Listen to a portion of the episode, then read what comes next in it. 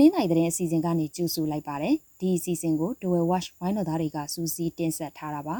ဒီကနေ့တင်ဆက်ပေးမယ့်သတင်းတွေကတော့ဒဝယ်မြို့အနီးဝန်းကျင်မှာလက်နက်ကြီးပောက်ကွဲတံတွေဆက်တိုက်ကြားနေရလို့ចောင်းသားတွေကိုပြန်လှုပ်ခဲ့တဲ့အကြောင်း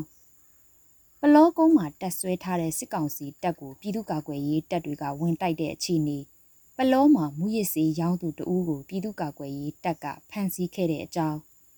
ဒေါအောင်ဆန်းစုကြည်ရဲ့သဘောထားဆိုပြီးထိုင်းနိုင်ငံခြားရေးဝန်ကြီးရဲ့ပြောကြားချက်တွေအပေါ်တန်တရားရှိတယ်လို့ထုတ်ပြန်လိုက်တဲ့အကြောင်းအပါအဝင်ဒီနေ့ရွှေစည်းနဲ့ထိုင်းဘတ်စည်းအတက်အကျစတဲ့သတင်းတွေကိုနားဆင်ရမှာပါ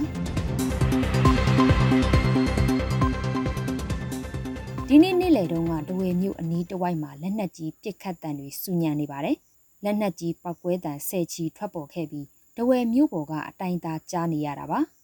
လက်နက်ကြီးကြည်တွေဟာတဝယ်မြို့နဲ့ကပ်နေတဲ့လောင်လုံးမြို့နယ်ခမောင်းတောင်ရွာနဲ့တဝယ်မြို့နယ်ထဲကဇာဟာရွာတွေမှာကြာရောက်ပောက်ကွဲနေတာလို့ဆိုပါတယ်ဒီလိုမျိုးလက်နက်ကြီးပောက်ကွဲတံတွေစက်တိုက်ကြားရပြီးနောက်မှာတော့တဝယ်မြို့ထဲကစာတင်ကျောင်းအချို့မှာရှိတဲ့ကျောင်းသားတွေကိုနေတဝက်နဲ့ပြန်လှော့လိုက်ပါတယ်ဒါအပြင်အနီးနားရွာတွေကကလေးတွေနဲ့တက်ကြီးရွယ်ဦးတွေကိုပြောင်းရွှေ့နေကြတယ်လို့ဆိုပါတယ်လက်နက်ကြီးကြီးတွေဟာအဲ့ဒီနှစ်ရွာအပြင်ဘယ်ရွာတွေမှာကြာရောက်ပောက်ကွဲခဲ့တယ်ဆိုတာကိုစုံစမ်းနေဆဲဖြစ်ပါတယ် တဝယ်မြို့နဲ့အနီးနားရွာတွေမှာကြာရောက်ပောက်ကွဲနေတဲ့လက်နက်ကြီးကြီးတွေဟာတပြေချောင်းတက်နယ်ကပြစ်ခတ်တာပြစ်နိုင်တယ်လို့ဒေသခံတွေကခန့်မှန်းနေကြပါတယ်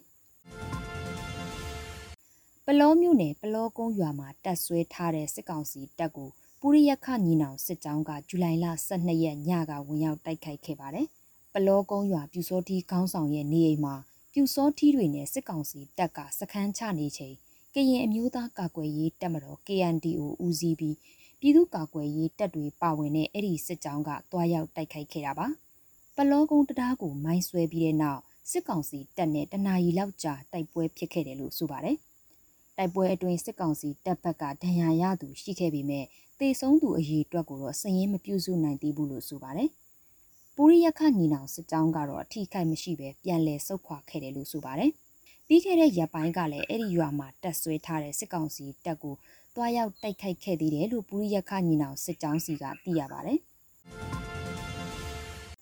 ပလောမျိုးနယ်လက်ကူးရွာကမူရစ်စီဝါဖြန့်ဖြူးရောင်းချနေသူတဦးကိုမြိတ်ခရိုင်အမှတ်တဲ့တက်ရင်ပြည်သူ့ကာကွယ်ရေးတပ်မတော်ကဇူလိုင်လ17ရက်နေ့ကဝင်ရောက်ဖမ်းဆီးခဲ့ပါတယ်။လက်ကူးရွာကအသက်38နှစ်ရှိဦးကျော်အေးကိုဝင်ဖမ်းချိန်မှာစိတ်ကြွစီးပြား6000ကျော်အပြင်ငွေကျပ်3300ကျော်နဲ့ရွှေထည်လက်ဝတ်လက်စားတွေဟာတင်ဆက်ရမိခဲ့တယ်လို့ဆိုပါတယ်။ မူးယစ်ဆေးနဲ့အတူဖမ်းမိတဲ့ဦးကျော်အေးနဲ့တင်ဆက်ရမိတဲ့ပစ္စည်းတွေကိုပလောမြို့နယ်ပြည်သူ့အုပ်ချုပ်ရေးအဖွဲ့စီအနှံပြီးဥပဒေနဲ့အညီအရေးယူဖို့လှုံ့ဆော်နေတယ်လို့ဆိုပါတယ်လက်ကူးရွာမှာမူရစ်စေးရောင်းနေတဲ့သူတွေကိုပြည်သူ့ကာကွယ်ရေးတပ်ကအရင်ကဖမ်းဆီးခဲ့ပြီးတတိပေးတာတွေလည်းလှုပ်ဆောင်ထားပါတယ်။ဒေါအောင်ဆန်းစုကြည်ရဲ့သဘောထားဆိုပြီးထိုင်းနိုင်ငံခြားရေးဝန်ကြီးရဲ့ပြောကြားချက်တွေအပေါ်တန်တရားရှိတယ်လို့ NLD ကဒီကနေ့ထုတ်ပြန်လိုက်ပါတယ်။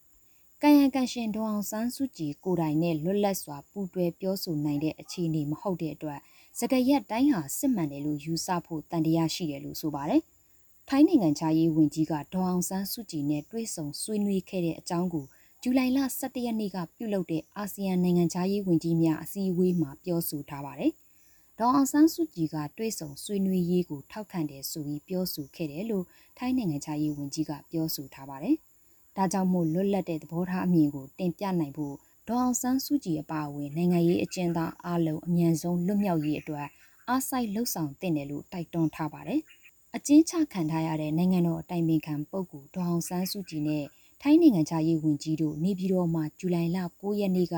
နှစ်ဦးတည်းတွေ့ဆုံခဲ့တယ်လို့စစ်ကောင်စီကအတည်ပြုထားပါတယ်။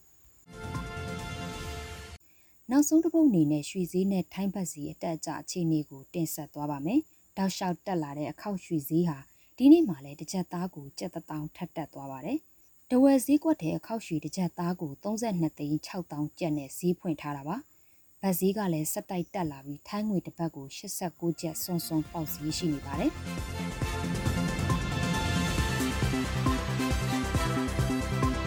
ခုလိုနားဆင်ပေးခဲ့တဲ့အတွက်ကျေးဇူးထူးတင်ရှိပါတယ်။မြန်မာနိုင်ငံသားများကပေးပေါင်းကနေအမြန်ဆုံးလွတ်မြောက်နိုင်ပါစေလို့ Lower Watch ဝိုင်းတော်သားများကဆုမကောင်းတောင်းအပ်ပါတယ်ရှင်။